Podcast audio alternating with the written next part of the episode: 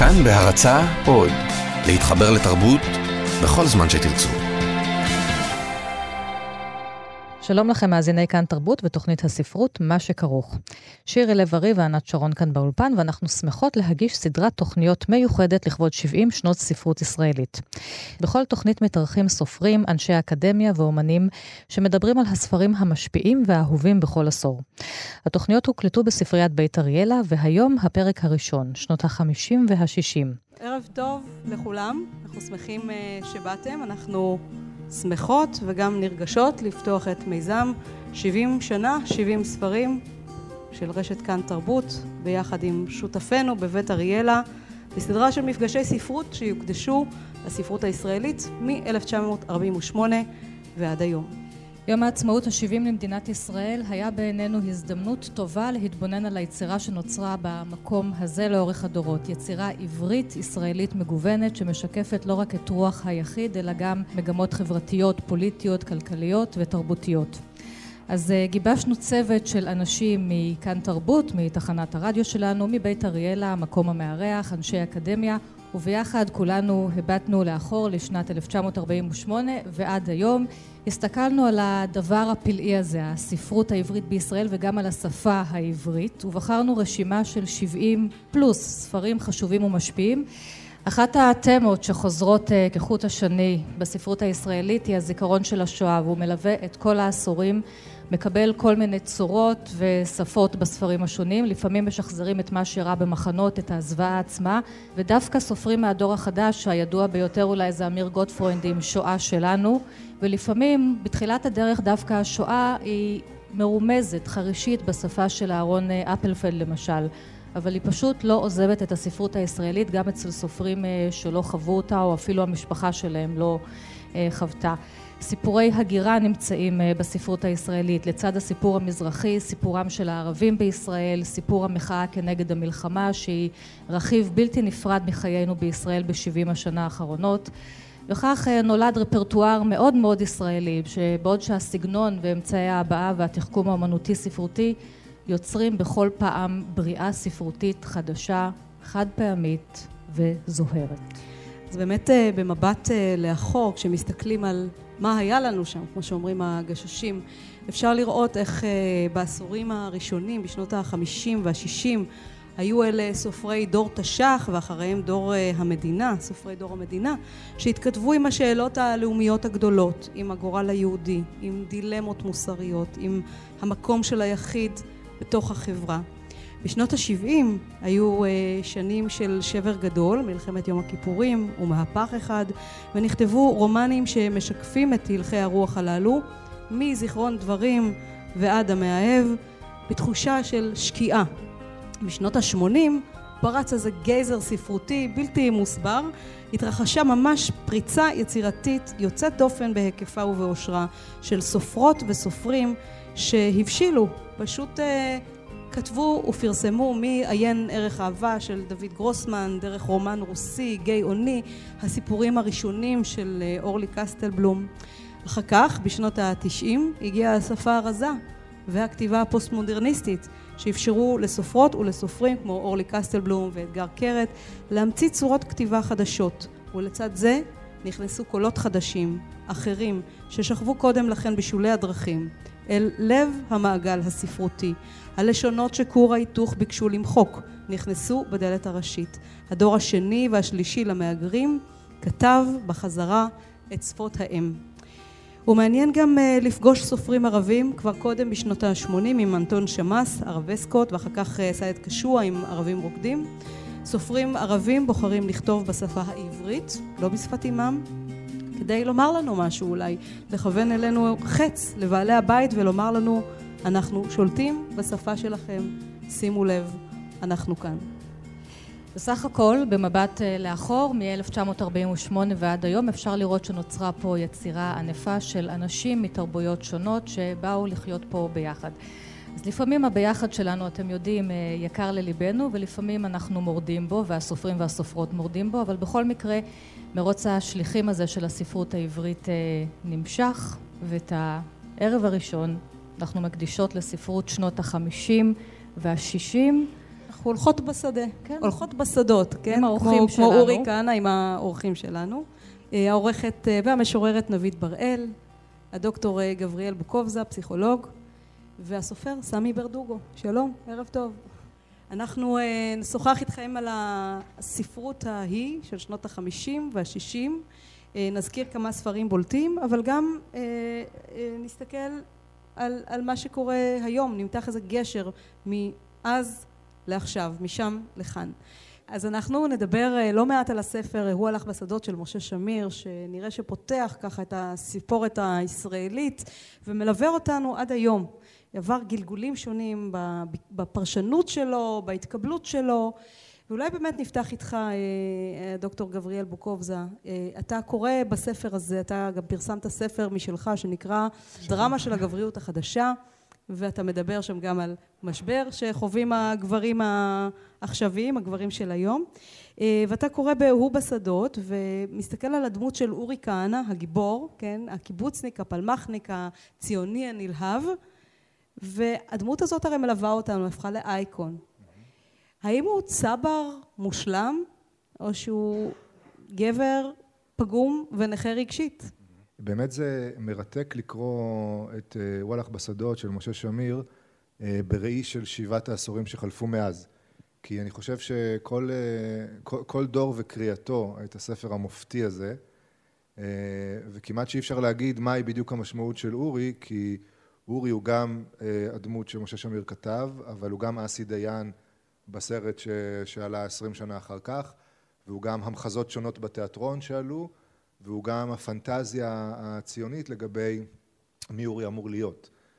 אני חושב שכשקוראים את הספר אז כן יש את ההנגדה הראשונית הבסיסית שאורי בא הוא יליד הארץ, הבן הראשון אה, בקיבוץ, אה, הוא זה שמחובר לשורשים, לאדמה, הוא חקלאי, הוא נוהג את הפרדה או את הסוס, הוא מצטרף לצבא, הוא מ"מ, הוא מת בתאונת אימונים, כן, הוא מחרף נפשו על הארץ וכן הלאה, ואל מולו יש את כל מי שהוא לא, כלומר הוא לא מיקה למשל שבאה מפולין, באה מהשואה שהיא נטולת שורשים וכן הלאה, הוא גם לא גבר מזרחי, הוא לא גבר חרדי, הוא לא גבר דתי, הוא לא ערבי, הוא לא שום דבר אחר מלבד אותה, אותו, אותה דמות ואנחנו יכולים עכשיו להסגיב אותה ולהפוך אותה לגבר על שכזה. אז זאת קריאה אחת והיא קריאה יחסית מקובלת ובסרט שאסי דיין מככב גם בנו של שר הביטחון שהיה אז מוערץ באותה תקופה וכן הלאה באמת אין גבול לפנטזיה. אבל אני חושב שכשקוראים אה, אה, את הספר עצמו, את הטקסט עצמו המקורי, אז רואים שכבר משה שמיר אה, הייתה לו כתיבה חתרנית. כלומר, אורי באותה מידה הוא אדם ש... ילד שרוצה להתבגר, הוא מגיע מכדורי לקיבוץ והוא רוצה שיקבלו אותו עכשיו כגבר, ומהר מאוד הוא מתבלבל. כבר בנסיעה הראשונה שלו, כשבחור, כשהגבר בשם אילנה מסיע אותו במשאית, כבר אז הוא נמצא שם מול אה, אה, גבר אה, בשל והוא לא יודע מה להגיד. אבא שלו חוזר לצבא, שזה המקום שבו אורי אמור להיות ולקבל פיקוד והצלחה והצטיינות. הוא פוגש את מיקה, שכמה שהיא מגיעה מאירופה הדבויה והיא עברה טראומות וכן הלאה, והיא לכאורה מוזרה וחריגה והיא לא חלק מהחברה באותה מידה שהוא בה, שהוא כן, היא יודעת על החיים הרבה יותר ממה שהוא אי פעם ילמד, היא הרבה יותר גם כואבת אבל גם עמוקה ומתוחכמת והוא מתהלך עם, עם המחשבות שלו, עם הפנטזיות שלו, עם הרצונות שלו אבל הוא לא מצליח להגיע לכדי הבשלה של גבר. אני חושב שאחד מרגעי השיא בספר, כן, מתחיל, מתפתח רומן בינו לבין מיקה, מיקה נכנסת להיריון ממנו, הוא נמצא עם, הפלוג, עם המחלקה שלו, הוא מגיע לביקור ל, ליד הקיבוץ, הוא בא לאוהל, שם הוא רואה אותה שוכבת חולה וכואבת בגלל ההיריון שזה עתה התגלה, הוא לא יודע עליו, אבל למרות שהיא שם על המיטה שלה באוהל, חולה ומסכנה, הוא לא שואל אותה, הוא רק מתעצבן שהיא לא נחמדה אליו, והוא הולך בלי לדעת שהיא נושאת את אה, בנו בבטנה. כלומר, עד כדי כך הוא אה, חסר רגש וחסר רגישות למה שקורה. גם מצד אחד גיבור שאנחנו רוצים לפנטז עליו, וגם מצד שני מישהו שאוי ואבוי, הוא לא מחובר לדברים הכי פשוטים של החיים של עצמו. היא מנסה לומר לו, מיקה, היא רוצה, היא קוראת לו, היא מנסה לומר לו משהו, והיא אומר, אל תפריעי לי, את מפריעה לי, אמא ואבא מפריעים לי, יש לי פעולה בחוץ, היחיד מפריע לי כשיש את הקולקטיב. שוב, זאת הקריאה שאנחנו רוצים, רוצים לקרוא, כלומר, הקולקטיב קורא לו וכן הלאה, זה נכון, זה חלק מהעניין, אבל זה לא רק קולקטיב, זה גם משהו בוסרי בו, כלומר, הוא מהלך, סצנה אחת לפני סצנת המיטה באוהל, הוא מהלך עם, ה, עם החבר'ה שלו, של, ה, של, ה, של המחלקה, שמיר כותב עליו, ככל שהיה פיקודי יותר, כך היה אנוכי יותר, כן? ככל שנתנו לו יותר כוח, ככה הוא יותר אנוכי. הוא רץ קדימה, כולם מאחוריו, לא אכפת לו מהם, הוא נותן להם זמן קצוב, ואחר כך הוא רוצה לחזור ממנה אליהם בזמן, כדי לראות מה הם עשו, האם, האם הם עשו את הדברים ש, שהוא, רצה, שהוא רצה לבקש מהם וכן הלאה. שאולי נקרא מן הספר? כן, בהחלט, בהחלט, יש הרבה קטעים. אז אלה, אלה התיאורים של אורי המ"מ, שבאמת אפשר לראות איך אחר כך הם הדליקו אש בדמיונם של רבים לאורך שנים, כן? אז אה, כן, אז כמו שאמרתי, ככל שהמפקד יותר היה אנוכי יותר, אה, הוא מבין את השטח, הוא רואה הכל לפני כולם. אורי ראה מה שלא ראו אחרים, כרגיל. ברור היה לו שאיש לא ראה.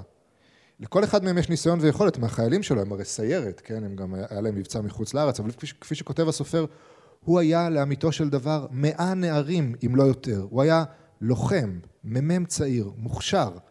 הוא גם היה בוצר, רוכב על סוס, איש קונדס. אה, אפילו התיק שלו קל יחסית וארוז היטב. את כל זה הוא מקבל כמובן מאליו. קל לו להבין שהוא, כלשון הספר, נקודת מוקד בחייהם של רבים. נפשו העצמאית חוגגת את היכולת הברורה, הגלויה הזו, ששמה אני עצמי, הוא עצמו, אורי עצמו. אז אלה באמת המקומות שאת רואה מאיפה צמחה, איפה צמח האייקון הזה של הכנעני, הצעיר, החזק, איש הצבא. אבל, זה, כמו שאני אומר, לא אומר, כל הספר הוא כזה. אתה אומר, החברה בעצם הייתה זקוקה לגיבורים, ולכן הלבישה את הפנטזיות שלה לדמות של אורי, שבטקסט המקורי זה דמות שיש בה סדקים, כן? יש נכון, בה נכון. ספקות, היא לא שמעה את כל הקולות, חולשות. או לא רצתה לשמוע את כל הקולות שמשה שמיר השמיע שם, לדעתי. אז אנחנו בשנות ה-50 וה-60 שמענו רק מה שרצינו לשמוע מאורי. אפשר להגיד. והסרט הזה כן. העצים את זה, כן? אסי דיין, אה, איש נהלל, העצים את המיתוס הזה. והוא מעצים את המיתוס הזה ב-67, אחרי שכבר יש לנו את המשבר של מלחמת ששת הימים. ומעניין לציין אולי, רק בקצרה, את אה, חיר בית חיזה של אה, סמך יזהר וגם ימי ציקלג, ששם, אם אנחנו מדברים על הפנטזיה, שם מגיע הסופר שתוך כדי מלחמת העצמאות כבר כותב את השבוי, כבר כותב את חיר בית חיזה וכבר מדבר על המוסריות של החיילים, או יותר נכון של צה"ל, כי הוא אוהב את החיילים, אבל הוא לא אוהב את המערכת הצה"לית, והוא כבר מדבר על המוסריות, והספר מתקבל, אה, הסיפור מתקבל באהדה רבה, אנשים מכילים אותו, אחר כך שיצא הסרט אה, של רם לוי אה, ב-77, סביב המהפך, כבר תקום צעקה גדולה. סמי ברדוגו, סמי נמצא פה כדי ללוות אותנו מן השם אל העכשיו, הספר שלך שנבחר לפרויקט זה הדברים, שראה אור בספרייה החדשה, הקיבוץ המאוחד אה, ב-2010. אה, כן, כמדומני. כן, 2010. כן, אז הוא כמובן מייצג את הספרים שנבחרו אה, לשנות האלפיים.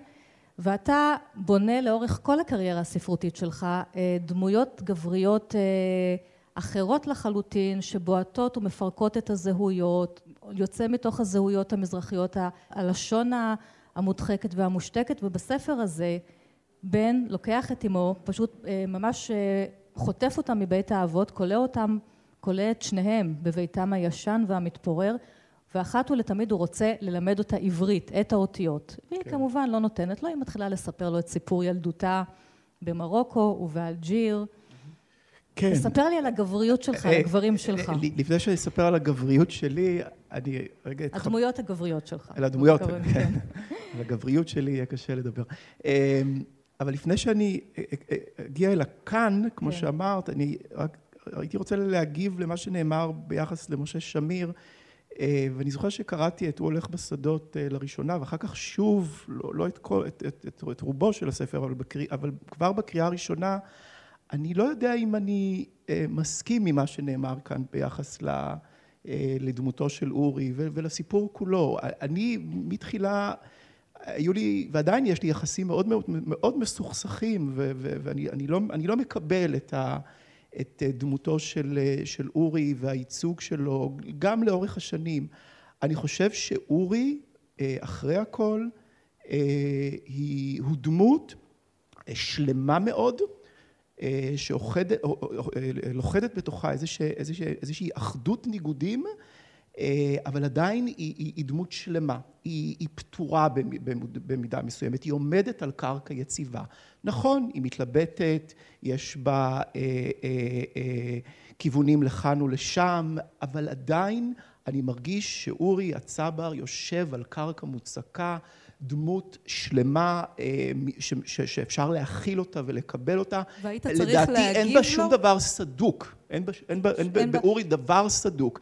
ורצית ול... להגיב לו דרך הכתיבה שלך? ודאי, לבנות ודאי. דמויות של גברים מסוג אחר? לחלוטין. שגם שוברים? זו דמות ש... שאני לא יכול להתחבר אליה בשום כיוון. לא, אגב, לא רק בעלילה אה, ובייצוג של הדמות, אלא גם באופן שבו אה, משה שמיר כתב. הרי משה שמיר היה סופר, הוא מכר והוא היה סופר מאוד פופולרי ומצליח, והכתיבה שלו היא כתיבה יפה מאוד. זו כתיבה מאוד רהוטה ויפה, שאני אה, כבר מתחילת הדרך לא יכול, יכולתי לה, להכיר את יופייה, אבל לא יכולתי לקבל אותה. כלומר, היחסים שלי עם משה שמיר ועוד אה, כמה סופרים באותה תקופה הם יחסים מאוד מאוד מסוכסכים גם בגלל ייצוג הדמויות המגובשות לדעתי, כן יש בהן קונפליקטים בדמויות אבל גם באופן שבו הן כתבו. דבר שהוביל אותי באמת אל הכאן שלי של אה, שזה לא, זה גם תנועת נגד לגברים האלה אבל זה גם מתוך איזושהי הבנה או סוג של הבנה שאין שום סיכוי שבעולם שאני אכתוב לא רק גבר, אישה, גבר, ילד, לא משנה מה, אה, שיצליחו להציג איזושהי זהות קרובה או אפילו אה, אה, לא קרובה לאיזושהי שלמות זהותית, גברית, נשית, לא משנה מה. אי אפשר לי, זה פשוט בלתי אפשרי. זה יבוא לידי ביטוי בעלילה, זה יבוא לידי ביטוי גם בשפה, כמו שהזכרתן אה, את, אה, את זה הדברים. זה קורה מהספר סיפורים הראשון שלך, מילדה לגמרי, שחורה. לגמרי, נכון. עד עצם היום הזה, עד גילי. לגמרי, כי, כי אין, אין, אין, אין, אין, אין קרקע. אין, לי אין קרקע. אז יש זהות שבורה ושפה זהות שבורה? הרבה יותר משבורה. תזזיתית, היא נעה בין כל מיני זהויות, זהות, גם מינית. זהות מסוכסכת, זהות אה, מחוסלת. אני אפילו, את, אתן יודעות מה, אני אפילו, המילה אפילו זהות היא, ברגע שאני משתמש בזהות, אני כבר לכאורה מעניק משהו, איזושהי כן. יציבות. אפילו זהות אין. אצלך זה... בספר, בזה הדברים, יש דמות שמנהלת מערכת יחסים אינטימיים גם עם אישה וגם עם גבר. גבר. זה ממש נכון, שובר נכון, כל... אין, כל, אין שום כל גדר שאפשר לגדר את הדמות הזו ברומן, זה הדברים, ואני חושב גם ביתר הרומנים שלי, וזה לא מתוך דווקא. זה מתוך מצב עניינים קיים של ההיסטוריה שלי כאן במדינה הזאת, שאני נולדתי בה, אגב. של ההגירה, שאתה בן כן, של אני, אישה אני, מהגרת, בוודאי, מוחלשת. בוודאי, בוודאי, במקום שגדלתי בו, אה, במקום שהמשכתי לגדול בו, גם כאן בתל אביב, זה, זה לא נפסק. אין, ברגע שאין קרקע, ברגע שאין מסד, אה, בשפה, בחניכה, אז לא ניתן, לא ניתן להציג דמויות, שוב, לא רק גבריות, גם נשיות, שיכולות אה, להצביע על עצמן כשייכות, אה, אפילו כקיימות, זאת אומרת, מדובר כאן מבחינתי במשבר מאוד מאוד גדול, ואת המשבר הזה אני, אני, אני חייב לכתוב, אין לי דרך אחרת. סמי, בוא נשמע אותך. אה, אוקיי. את השפה שלך, קטע מתוך זה הדברים. אז עכשיו אני צריך, זה, כן, זה ממש בתחילת הרומן, כשהוא מבקש את הבק... את, הוא, הוא לא מבקש, הוא אומר לה מה, מה, מה, מה, מה מתכוונים לעשות כאן, לאימא. אז עכשיו אני צריך ללמד אותך עברית. אבל אני יודעת אותה. אותיות של עברית, מילים, בשביל לקרוא ולכתוב. עכשיו? לקרוא ולכתוב? עכשיו. היום נתחיל וככה נתקדם. שבוע יש לנו. כל יום עוד קצת. עד שתראי שגם את יודעת. וככה בכמה ימים אני נידע אותה? בשבוע ייכנס אצלי הכל? היא מגחכת לעצמה ונפרדת מנוקשות הגוף. בשביל הבסיס, בשביל האותיות, זה מספיק לנו. אחרי זה יהיה יותר קל. עד עכשיו לא היה לי אותה, ועכשיו אתה רוצה שיהיה לי אותה? אני מזהה בקולה זלזול, אבל גם את מה שקיוויתי לשמוע, את הצליל הנוסף ההוא, שידעתי על קיומו, הוא מקור חולשתה. הפרצה שלי לחדור בעדה. אסור לי להחמיץ את עמדת הפתיחה. ממנה אני חייב להתחיל לנצל את הרגע. כן, עכשיו. את עוד לא מבוגרת. אני לא צעירה, היה לי הצ'אנס שלי ממזמן. אז הנה עכשיו יש לך עוד צ'אנס, את תראי שאפשר. אף פעם לא מאוחר כמו שאומרים, כמו שאת אומרת. היא נוטשת את עיניי, מרפאה את ראשה ומעלה חיוך קל וערמומי בלי לחשוף שיניים ומנדנדת את ידיה. נזרקת חזרה אל הכריות ומאבדת קשר עם כוונתי. אסור שהמתח היעיל יברח לנו. אין ברירה, אני ואת כאן וזה מה שנעשה. בשביל זה הבאת אותי לפה? כן, איהו היופי. אז תביא אותי בחזרה. הקרב על העברית. כן. אז אנחנו עוד נחזור לזה, לדבר קצת על ה... המיותר על העברית, אבל הקרב, כן. זה מחבר אותנו לקישון. כן. העברית, שיש לו שיא גינס בלמידת השפה העברית. פריים קישון, כן. כן. את, את ערכת uh, כמה מהספרים שלו שראו אור uh, בהוצאה שאת עובדת בה, עורכת בה. המיטב הראשון המיטב... ש, ש, שראה אור uh, לאחר כעשור, במלאת עשור כן, למותו. כן, ממש הוצאות מחודשות, מחיים מחדש את הספרות שלו, אמת. של אותו קישון שהוא הגולה הנצחי. והמבט שלו... ואולי הוא הישראלי האולטימטיבי. זהו, זה מה שאני מנסה לומר. המבט שלו על המציאות הישראלית תמיד נשאר קצת אה, זר, מין אורח לרגע, רואה כל פגע, אף על פי שהוא היה כן. ישראלי. אפרים קישון אה, עלה ארצה ב-1949 על אותה אונייה שבה אה, עלה אבי אה, מצפון אפריקה, אותה אונייה גלילה. אה, כן. יש אה, תמונות של אבי, אבי עלה לארץ אה, מורה לעברית, יש אה, תמונות של אבי עם עולים מבודפסט שאותם הוא מלמד עברית, יש לי היפותזה שאחד מהם הוא פרנס, כן, הופמן, קישהולט.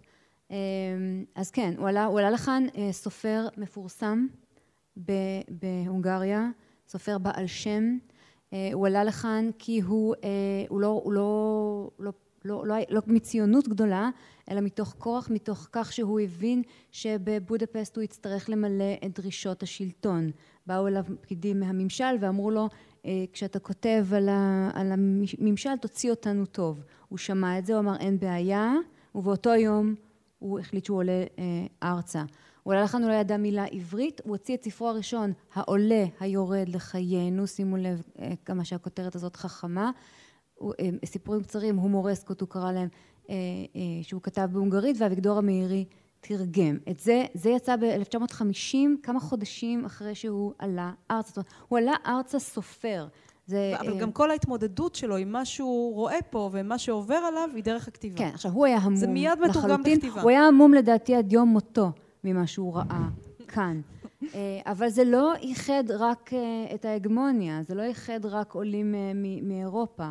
אני יכולה לספר לכם על סבא של בעלי התימני, שהיה במחנה עולים בצנעא, ולא ישן, ריכזו שם תימנים מכל תימן, שהיא, שהיא ארץ ענקית, ולא ישן כל הלילה כי הוא רצה לראות, אשתו אמרה לו, סבתא רחל, מה, למה אתה לא ישן? אז הוא אמר, אני רוצה לראות את התימנים האחרים, אני לא מכיר תימנים מכפרים ומעדן אה, ומכל מיני מקומות אחרים.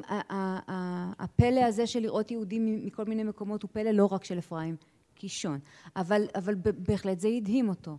והוא כתב על כך, הדהימו, הדהימו אותו עוד כמה דברים, הדהימו, הדהימו אותו גם הקולקטיביות הזאת, ההוא הלך בשדותיות הזאת, היפה הבלורית והתואר, האלה שהוא לא נמנה עמהם. אמ, והדהימה אותו, אה, הדהים אותו הקיבוץ. אה, ועל זה הוא כותב באמת ברומן הראשון והיחיד שלו. יש לי, אני יכולה לספר לכם סוד, באמתחתי רומן גזון, גנוז של אפרים קישון, שהוא כתב בשנות ה... מתי זה הולך לצאת? 90 המוקדם, הוא מנבא את תרבות הריאליטי, רומן נהדר, מצחיק מאוד. אותי אפרים קישון מצחיק עד היום, אני הראשונה שאגיד, אפרים קישון לא נס לאחור, לא, וזקנתו לא מביישת את נעוריו, הוא היה מצחיק עד הרגע האחרון, אלא אנחנו שהפסקנו אה, לצחוק ממנו. אה, ובכן, ב, ברומן הזה שנמצא כן, שראה אור בתחילה ב... ב-55? ב-55 כאין כמונים.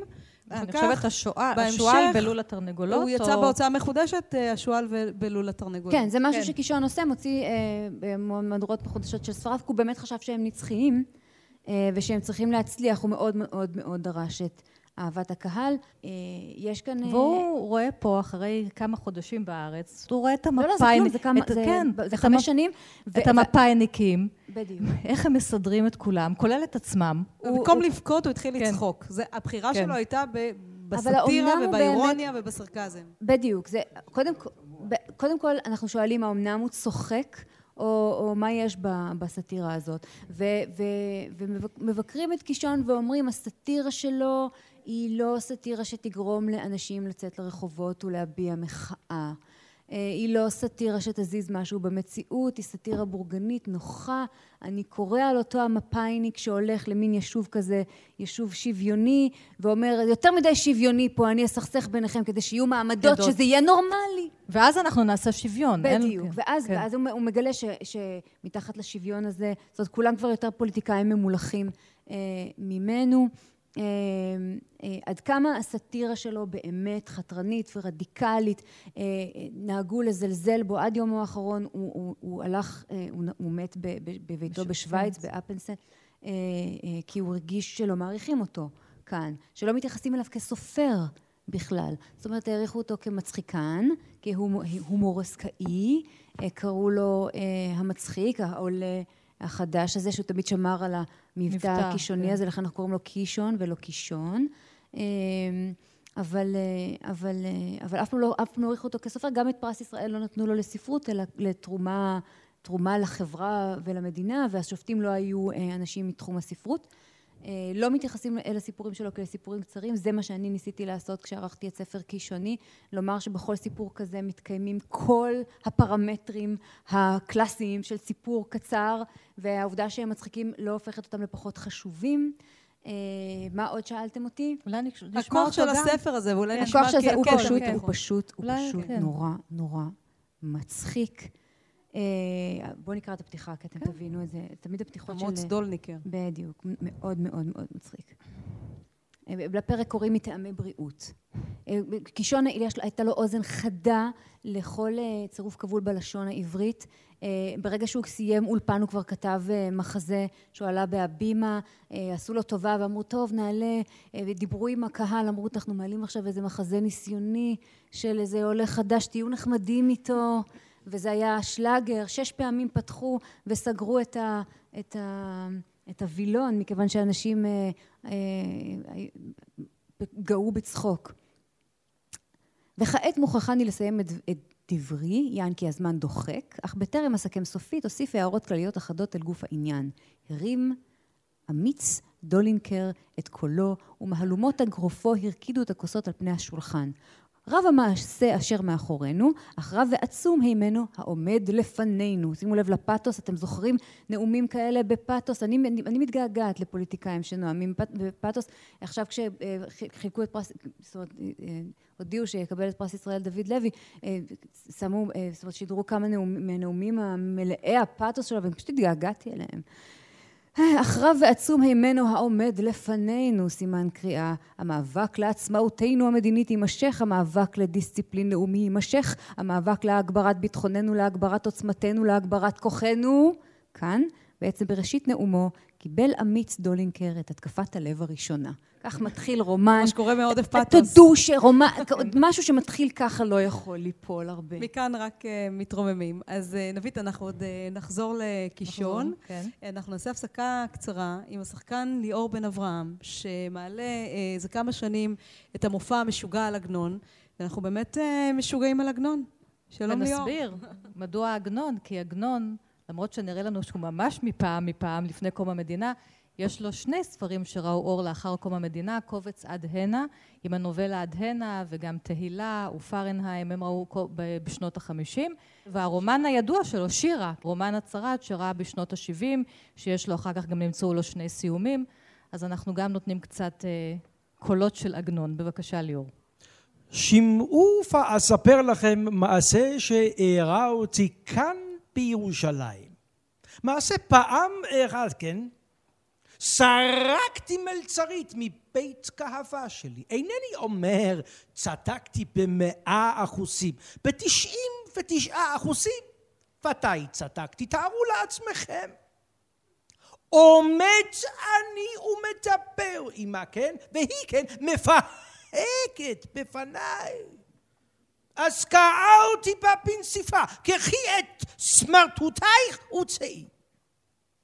כיוון שיצאה, עמדו חברותיה, הניחו את עפותתן ויצאו עמה. כלומר, שפיטה עשו, צחקתי ואמרתי, שפטו בנותיי, שפטו, פרגיות דלות שכמותכן. אם שאני מחפש מלצרות אחרות ואינני מוצא שכולן חברות בהסתדרות, אז פלו אתון אחד שליח של הסתדרות והתחיל מדבר עמי כאילו הוא בעל בית של בית כהבה שלי. הקיצר, או הוא מדבר, אני עונה, אני מדבר, או הוא עונה. אז בינתיים התחילו כל האורחים פוקעין, ואין מי שישמש לפניהם. אז באין ברירה, כן, באין ברירה הסכמתי לפצות את המלצרות ולהחזירן לעבודתן, החוץ מעוטה המחוצפת. אז אומר לי אותו אתון של הסתתרות, אי אתה רוצה בה, אז אין אנו רוצים בך, חה, חה, חה. אני בעל בית של בית כהבה, והוא, הוא מדבר אליי כאילו הוא בעל בית של בית כהבה שלי. ומי יודע בהיה בסוף? שמעו ואספר לכם. אותו אדון של הסתתרות נתן עיניו פה אותה המלצרית ואף היא נתנה עיניה פה ונישאו לזה. ואני אם תאמינו ואם לא תאמינו שלחתי להם ליום חתונתם טורטה גדולה עם כתובת שוקולד מזל טאוף ונתפייסנו ונעשו אורחים קפואים בבית כהבה שלי. והוא בא לשם שתיית כהבה, והיא באה לשם אכילת קליטה. דבר כל זה אינו מתרחש אלא בפלסטינה.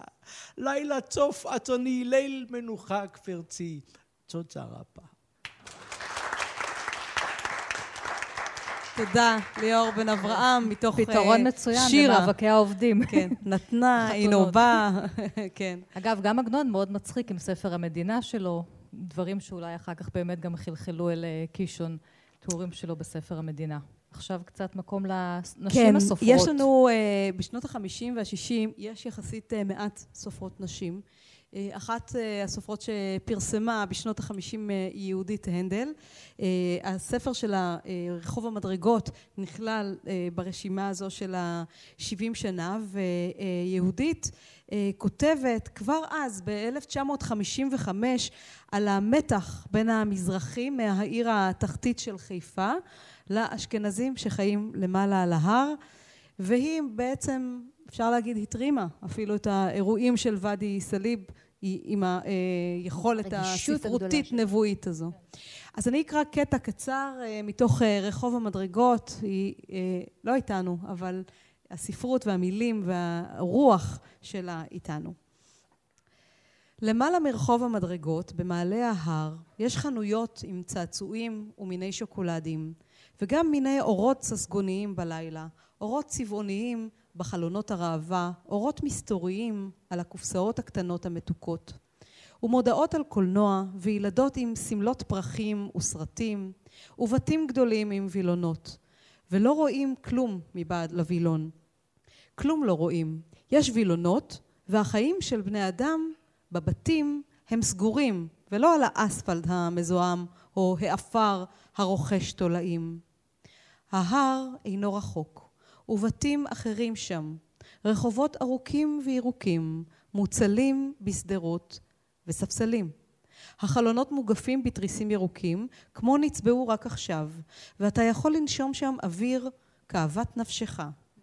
שם, על ההר, הקיץ הוא אביבי, הירוק חריף, והאור המסונן מבעד לעלים לא לבן כל כך. אפשר לטייל בגנים, לקטוף אצטרובלים. אברהם בחר, או רם בחר, או סתם רם, עשרה שמות חיבה לו לנער, עיניים של פחם. למה אמא יושבת תחת התאנה, ניסים? בוא נלמד אותה לשחק בג'ולים. יש לך שיער רך ומטולטל, בני. כשתהיה גדול, תהיה חזק ותעשה משהו, משהו טוב, בני. אני אהיה נהג ואני אסע ברחובות על ההר. זה שם היופי. כל מיני דברים טובים אפשר לעשות, בני. אפשר להיות תלמיד חכם, כמו הסבא שלך, ואפשר להיות גדול בתורה. אני אהיה נהג, אמא, ואני אסע ברחובות על ההר. יהודית הנדל, רחוב המדרגות, אימא, בן. אז זה מחזיר אותנו אה, אליך. אליי. אמ, כן. אוקיי. אמא ובן. אני אזרוק לך את אוקיי. החכה עם ה... כבר תראה, קיבל אותה, נראה לי. חשוב לזכור שיהודית הנדל מסתכלת על ה, על ה, באמת על הבעיה ו, ועל המתח אה, כעדה. היא עדה למצב הזה. היא לא, היא לא כותבת מתוך המקום. היא לא כותבת מתוך... היא, היא לא... אה, אה, היא לא ישבה שם למטה וחוותה את הקשיים האלה. עכשיו, יש לזה, יש לזה את הכוח שלו, אני לא אומר שלא. אה, אבל אם, אם אני ככה אה, חושב על, ה, על, על כובד הדברים ועל האותנטיות שלהם, של, אם לדבר על, באמת על, על, הפ- על הפנורמה הזו, או על, על הקו הזה של מעלה-מטה, רחוב המדרגות, אני חושב שזה עדיין נכתב מתוך אה, נקודת מבט. לא הייתי אומר פטרנליסטית, או, אבל תמימה? כן, קצת אנתרופולוגית, אה, ת- תמימה מאוד, נורא יפה, אפילו... מרוחקת, אפילו, אתה אומר מרוחקת. אפילו המ- המ- המכוער מתואר שם נורא נורא יפה. זאת אומרת, אני, אני מזהה כאן אולי ניסיון תמים באמת של, של יהודית הנדל לתאר מציאות ישראלית לא נעימה ולא טובה, אבל, אבל התיאור הזה לא, לא מגיע מתוך הקרביים של המציאות. כי אולי זו לא הייתה חוויית חייה. יש לזה את התרומה של זה כבאמת אה, ייצוג אה, חלקי של, של איזושהי מציאות כן. היסטורית ב, ב, אה, וספרותית אה, ב, אה, בהיסטור... ב, כן, של, של מדינת ישראל, אבל אם לשאול על, על שוב, היום אנחנו יודעים להגיד, על, לדבר, אנחנו רוצים לדבר על אותנטיות, ואם אנחנו מביאים את הקול המזרחי, אז אז איזה, איזה, איזה, איזה, איזה מציאויות הם בוחרים להציג מתוך הבתים, מתוך המשפחות, מתוך השבטים האלה, ואני יודע להגיד שזה, שזה אחר לגמרי. בוא. נחזור אליך. כן, אנחנו נמצאים בספרייה, בספריית בית אריאלה שמארחת אותנו. כן, הגיבור שלך בזה הדברים הוא ספרן. נכון, שלוקח באמת את בחיפה. הכמה, בחיפה, שלוקח נכון. את הכמה ימי חופש נכון, וחוטף נכון. את אימא שלו ללמוד עברית, כן, ומספר על זה שהוא גדל בבית אה, ללא ספרים. נכון. אנחנו פה מוצאי, אה, נמצאים מוצפים. מוקפים, מוצפים ספרים. מה זאת השפה העברית בשבילך? כמי אמרת, שגדל... הזה כן. מה זאת. השפה כיוצר? אה, כבן למהגרים, אוקיי. ממשפחה מהגרת וכיוצר. אני בלב שלם מרגיש שאני קודם כל חי, אני נמצא בחיים בזכות השפה העברית. אם לא הייתה ברשותי העברית, אני מניח שהייתי מת. חד משמעית. מאוד דרמטי הדבר נשמע. אמ, ההבנה מגיל צעיר שברגע שאני ארכוש את העברית שאין בבית, תעניק לי איזשהו, איזשהו תוקף, הייתה הבנה מאוד מאוד חשובה, והרגשתי שבזכות למידה של השפה, אה, למידה זאת אומרת קריאה וכ- וכתיבה כאיש רגיל, יותר מאוחר זה גם הפך להיות יותר מזה, אבל איזושהי הבנה שבזכות עברית אני אשאר בחיים ואשרוד. יותר מאוחר... אבל מאיפה העברית שלך? איפה... אני חושב ש...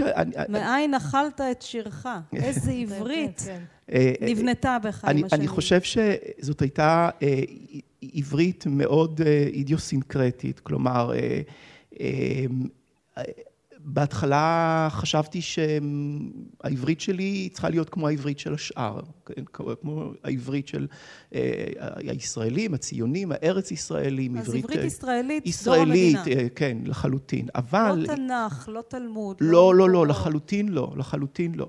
אמ, אבל כאשר, כאשר התחלתי לכתוב, הבנתי, או יותר נכון, זה, זה, זאת הייתה, זאת הייתה, זה היה אינסטינקט כמעט בלתי נמנע. הבנתי שאין שום סיכוי שאני אכתוב כמו, ש, אה, כמו, כמו השפה, השפה העברית ש, שנגיד למדתי בבתי הספר, אה, אלא דרשתי או נדרש בתוכי מיד אה, לעקם משהו, לעוות משהו בשפה.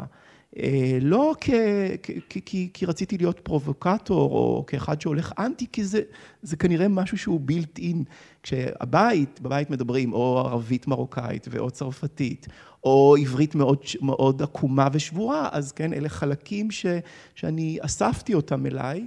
אמ, ומתוכם אני מבקש להציג את, ה, את, את התחביר שלי, כן, ואת ה, את השפה שלי בכל, בכל מיני היבטים. בעצם מה שאנחנו פתחנו את השיחה ודיברנו באמת על כל השפות והמילים mm-hmm. שנמצאות כן. קומה אחת מתחת לעברית, או אפילו כמה נכון, קומות אחרות. נכון. ואנחנו, אתם הדור הזה כבר שעושה מעשה ארכיאולוגיה ומוציא החוצה. כן. בוא נלך איתך, גבי, אולי לאיזושהי ארכיאולוגיה של הגבריות. נכון? כן. הגבריות החדשה. הדרמה של הגבריות, של הגבריות החדשה. ונסתכל שאתה... שוב דרך אה, משה שמיר על הדמויות הספרותיות גם היום של הגברים. זהו, אז איזה באמת דמויות ספרותיות עכשוויות, בכלל, לא רק בספרות, אולי בתרבות, דמויות גבריות עכשוויות בספרות ובתרבות הישראלית, אתה מזהה שהן בטח שונות מאוד מהמקור, כן, של אורי ב"הוא הלך בשדות". כן, מצד אחד אה, כמעט אי אפשר להשוות בין דמויות בתרבות של העשרים שנה האחרונות לבין הדמויות של שנות החמישים והשישים שאנחנו מדברים עליהן. אני כן אבל רוצה לציין, ככה להתעקש לציין, שאנחנו מדברים, כן, על אנשי ספרות, על אומנים, שהם ראו את המציאות באופן מורכב כבר אז. אני חושב שזה די מדהים. נכון שהקריאה שלנו אותם הייתה קריאה אה, ציונית, קריאה של הקאנון, קריאה של איך הדבר הזה קשור ללאומיות, אבל כשאתה קורא את הטקסט, הדמויות, אני חולק על מה שאמרת בתחילת הדברים, הדמויות מורכבות כבר שם, כן? הן מייצרות משהו שהוא הרבה יותר דיאלקטי והרבה יותר אה, רב משמעי ממה שאולי אחר כך, מה שהתרבות עושה מהם, כן? כלומר, אחר כך כששמים את אה, וואלאך בשדות כחלק מחומר הלימוד לבגרות, וכשמי שבונה את השאלות לבגרות שואל שאלות ספציפיות, אז יכול להיות שהוא רואה, דרך, רואה את הספר דרך איזשהו tunnel vision, דרך איזושהי ראייה צרה. אה, אותו הדבר קורה כשיש את ההפקה הקולנועית. אבל האמת היא שהדמויות האלה, גם סמך יזהר שהזכרתם באמת ציקלג. אגב, באותו גם, עשור גם אה, פנחס שדה מפרסם את החיים כמשל, גם החיים, שזה ממש החיים בקצה כמשל השני. זה בכלל, בקיצון זה כבר. זה האינדיבידואל והיחיד והמחפש. יכל להיות היום, הוא יכל לגור בדירה מחולקת בתל אביב, היום. בפלורנטין, ולנהל את חייו פחות או יותר. אבל הוא במיסטיקה, ו... הוא מהלך לו כן, בעננים. כן, לא, בסדר, אבל במובן של האינדיבידואליות ושל המיניות, ושל באמת בז ללאומיות ולקולקטיב וכן הלאה. אה, אז, אז כבר במקור הדברים האלה קיימים, כן, אני חושב כן, זה אנשי אה, אומנות והם רואים את המציאות באופן מורכב. זה שכתוב על הספר 1947 וזה שנה לפני מלחמת יום העצמאות, זה בשביל סופר או איש רוח, זה לא, זה לא אומר דבר, הוא עדיין רואה את המציאות בצורתה מורכבת, כמו שהדגמתם כאן עם קישון, שאיכשהו נוחת מהספינה, הוא כבר רואה את, ה, את המציאות. בימינו אבל, לשאלתכם, באמת הדמויות אחרות לחלוטין, כן, אה, גבר מפורק לחלוטין, האתוס, הג... הוא, כבר לא, הוא כבר לא יכול להשתייך, תראו, גם, גם אורי בוולך בשדות בעיניי מפורק, חרדתי, לא מוכן לבגרות. הוא משלם מחיר. אבל... הוא כל כך גבר שבסוף הוא מת. אבל, אבל קורה משהו, זה לא סתם שהוא משלם מחיר. מת או מתאבד, לא ברור, יש שתי גרסאות, נכון, אחת נכון, במחזה ואחת נכון, בספר. נכון, אבל הוא, לטעמי, לקריאתי, הוא מניח שאם הוא, הרי הוא מגיע והוריו נפרדים. נכון. ומיקה היא דמות מורכבת מדי בשבילו, ובקיבוץ לא מעריצים אותו כפי שאולי הוא היה רוצה. ואז הוא הולך לצבא, כן, הוא נקרא, מקבל צו גיוס, והוא הולך בגאווה וב, ובהתלהבות, והוא מניח, לטעמי, לקריאתי, הוא מניח שפה תינתן לו הזהות בצורתה ברורה לחלוטין, כלומר כאן לא יהיה, לא תהיה מחלוקת לגבי מי הוא, וכך הוא גם מתנהג כמ"מ, הוא מלא גאווה, כמו טווס, מסתובב, ואני חושב שההחלטה שלו לתת לבחור הכי חלש במחלקה לזרוק אחריו את הרימון אחרי שהוא מראה איך הרקולס זורק רימון לתת לבחור הכי חלשלוש והסגן שלו אומר לו אל תעשה את זה וההוא זורק בקושי ואז הוא נאלץ לקחת את הרימון והוא, והוא, והוא מת שם הוא גם עושה טעות, הוא עושה שגיאה, זה חלק מהבוסריות שלו, אבל הוא מניח שה, שהצבא יפתור לו את הבעיות. זאת הנחה שהגיבורים בשנות התשעים או, או בתחילת המאה ה-21 כבר לא יכולים להניח. כלומר, אנחנו כבר אחרי יום כיפור, ואנחנו אחרי מלחמת לבנון, ואנחנו אחרי שרים ומפקדים שנמצאים בכלא, ואנחנו אחרי שבר האמיתות הפוסט-מודרניות. זה דווקא משתלב היטב בתקופה שלנו, כי באמת אין לנו איזשהו אתוס שאנחנו יכולים להיאחז בו ולהגיד, אה, דרך זה אני אהפוך להיות גבר גבר. אבל אולי זה חסר, האתוס הזה. יכול, יכול להיות שזה חסר, בעיניי אבל זה, בעיניי אבל זה יפה, כי זה מאפשר להמון דמויות, כן, גם, ב, גם בספרות, גם בקולנוע. זה מצב אבל, קשה אבל זה בלי מודל אולי, כאלה, בלי מודל. אבל, אבל זה מאפשר לאנשים כאלה, שגם, שגם היו קיימים ב-47, לבוא לידי ביטוי, לשדר לנו את הקול שלהם. אני יכול, אם הזהות שלי כגבר היא שבורה, היא לא אחידה, היא לא הרמונית, אני יכול למצוא בדמויות האלה מקומות של הצלה, מקומות של קול אחר. אני לא חייב להיות קצין טווסי, מ"מי, הרקוליאני כזה, שהוא הוא, הוא יחיד ואין בלתו, ורק בו אפשר להתאהב, ורק הוא סמל מין וכן הלאה. אני יכול להיות הרבה יותר דברים מזה. אני יכול להיות גם לחיות בתוך השבר, ולאהוב את השבר, ולא לפחד מהעובדה שהוא קיים בגבריות שלי. אבל אני מסכים איתך, כי זו מתוך קריאה פרשנית שהיא מחוץ, זאת אומרת, גבי לא כותב, ה, לא כתב נניח את הטקסט, אבל בתור אחד שכותב, אני כותב את הדמויות שלי, הדמויות שלי הם אני, אין בזה שום דבר טוב. כי אני, אני, אני במצוקה, מה, מה זאת אומרת מה? אין לי, אין לי קרקע, אין לי, כמו שאמרת, אתוס או מודל שאני אני, אני צריך לרקום בידיי איזשהו מודל ואני לא יודע איך. זה נורא קשה. מה אכפת לי מהקוראים? מה, אתה חושב שאני חושב על הקוראים שלי? כן. אז מה? אז מה? אז זה לא משנה. הוא מדבר על חוויית הריב. אני מדבר על חוויית הכתיבה נכון, ועל מצב הכתיבה. הערב הזה ייגמר, אני אחזור לדירתי. שום דבר לא ישתנה בעולם התודעתי שלי והזהותי שלי. אבל גם הגיבורים המדומיינים, הפיקטיביים האלה, גם הם חוזרים הביתה לשבר שלהם ול, ולמסכנות או לאומללות או לבדידות אכן, שלהם. אכן. אבל מה שקורה בדור, בדור שלנו, זה שלקול שלך יש מקום. יש לו לגיטימציה, שלך, זה לגיטימי להיות שבור, זה מה שגבי אומר. ויש קהל שבא לשמוע ואתה מדבר אבל, אבל, אבל סמי אומר שזה לא מספיק. על משה שמיר. ו... הלגיטימציה לא מספיקה. תראה, יש גבול כמה אדם יכול לבקש. לא מספיק. כן. טוב, התחיל פה ויכוח מעניין, לצערנו כן, אנחנו נצטרך ערב אחר, נראה לי, לפתח אותו. זו קפיצה בלתי אפשרית כן. להשוות את אליק או את אה, אורי. אה, לגיבורים אה, שנכתבים היום. אפשר להגיד שזה בדיוק המרחק מאסי דיין כפי שראינו אותו כאן בקטע מן הסרט, לבין אסי דיין כפי שמת לפני כשלוש שנים כן. בתל אביב. זה בדיוק מה, זה בדיוק מה שנהיה האתוס הציוני. הספרות העברית הייתה קשורה תמיד לאתוס לגיבורים. הלאומי. היא הלכה בד בבד עם האתוס הלאומי, גם לפני שהייתה מדינה, אה, היא, היא תמיד הייתה רתומה לאינדוקטרינציה, אה, ואחר כך איזה, איזה, איזה מין שבר, אבל זו קריאה נוחה מדי, וגם אם אה, נקרא קריאה ביקורתית את את, ספר, את ספרי דור הפלמ"ח, אנחנו נמצא שם את השבר, בטח בשנות החמישים ובטח ובטח את, את הפרוזה של יורם קניוק. אה, יורם קניוק כתב אחרת, בעוד שכל דור הפלמ"ח אה, אה, כתבו על, על סיפורים שקשורים לקרבות ולאנשים ש... ש זהו, ש... אז את מזכירה את קניוק, אולי מילה אחת על אדם בן כלב, שזה הספר שלו שראה אור, הוא לא היה בשואה. הוא כותב על ניצולים טרופי דעת שלא מסוגלים בכלל לחזור לחיים. איפה קניוק פוגש אותה? מה פתאום הוא כותב עליה? זה גם המרד שלו כפלמחניק. הספר הראשון של קניוק אה, התרחש בכלל, הרומן הראשון שלו שראה אור בהוצאת שוקן, אה, התרחש בכלל בניו יורק. הוא תיאר שם אדם שמסתובב ברחובות ניו יורק והוא מחפש את עצמו, הוא מרגיש ניכור ובדידות, ש, שזה חלק מהניכור והבדידות של אחרי המלחמה בעולם המערבי. זה מאוד שונה מהספרות שנכתבה כאן בשנות החמישים. אה, הביקורת אמרה, אה, מה קרה להוצאת שוקן, אה, שאחרי שפרסמו את גדולי הספרות העברית, מפרסמים מין דבר כזה. ובכן, משהו קורה לקניוק ולבני דורו בשנות החמישים, הם מרגישים תלישות, הם מרגישים חסרי ערך. כן, הפרויקט של הגאולה הושלם, אבל מה עכשיו? וגיבוריו מתהלכים אה, ואנה ואנה ואינם יודעים את נפשם וכל הפצעים שלהם מן המלחמה רודפים אותם וזה לא רק בסיפורת אנחנו חייבים להגיד כמה מילים על השירה העברית בשנים הללו כי שינויים טקטוניים קרו בשירה העברית בין שנות החמישים לשנות השישים אחר כך. אה, אה, ומה, ומה עכשיו? זאת אומרת מה אנחנו עושים עכשיו? הפצעים של, של, של, של העקירה של גירוש הערבים שהיו כאן שאנחנו היינו חלק מהאסון שלהם.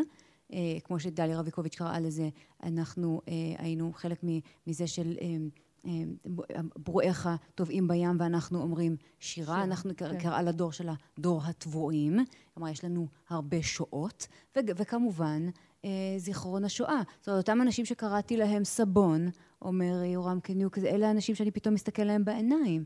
ו- ו- ושואל את עצמי איך אני יכול... הוא רצה לתת להם קול שאפלפלד כותב, אני... אנחנו יכולים להבין מה פתאום קניוק ק- קניוק, קניוק נלחם קניוק איתם. קניוק זה המאה שיוצא למסעות נולד, בים. קניוק נולד ומת בתל אביב, כן? כן הוא נחשב לילד העברי, הילד התל אביבי הראשון, הוא מספר שביאליק היה בברית שלו נכון, כן. מה פתאום הוא אה, כותב את אדם בן כלב? אדם בן כלב לדעתי הוא לא סיפור על השואה, הוא לא סיפור על שם, אלא הוא סיפור על חוסר היכולת שלנו אה, לכתוב על שם.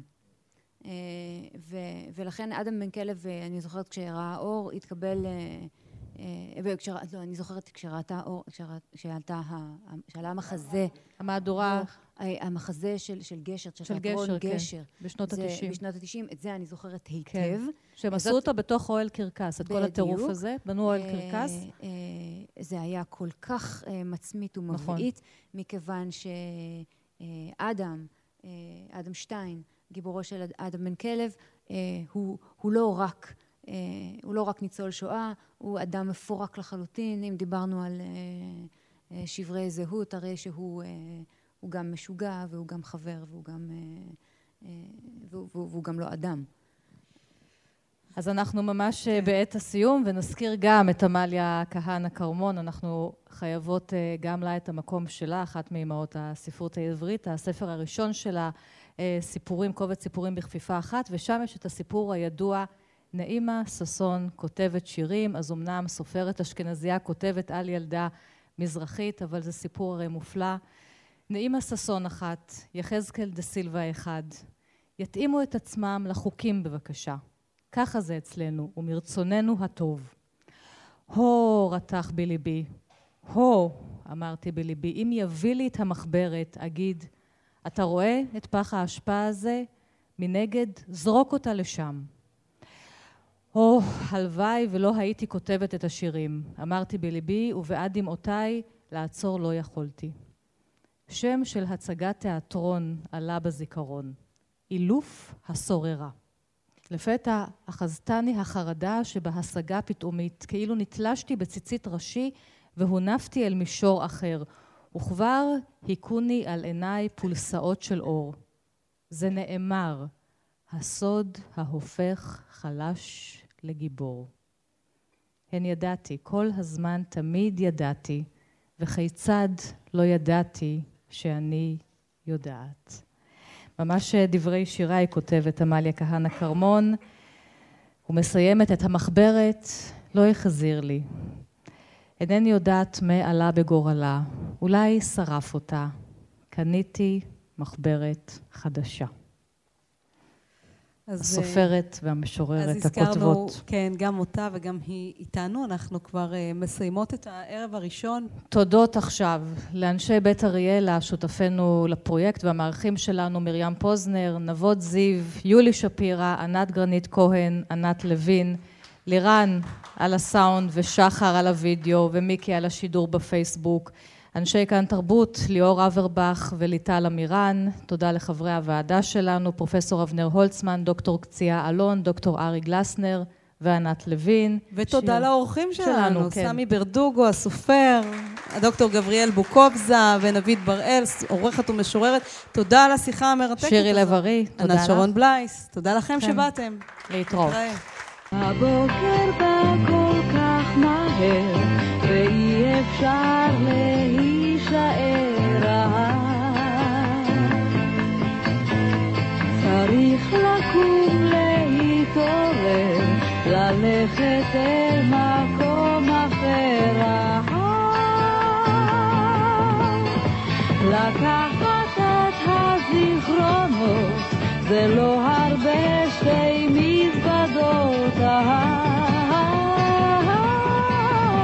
חלום אחד ארוך ארוך, שתי מגבות ושתי תקוות. מההתחלה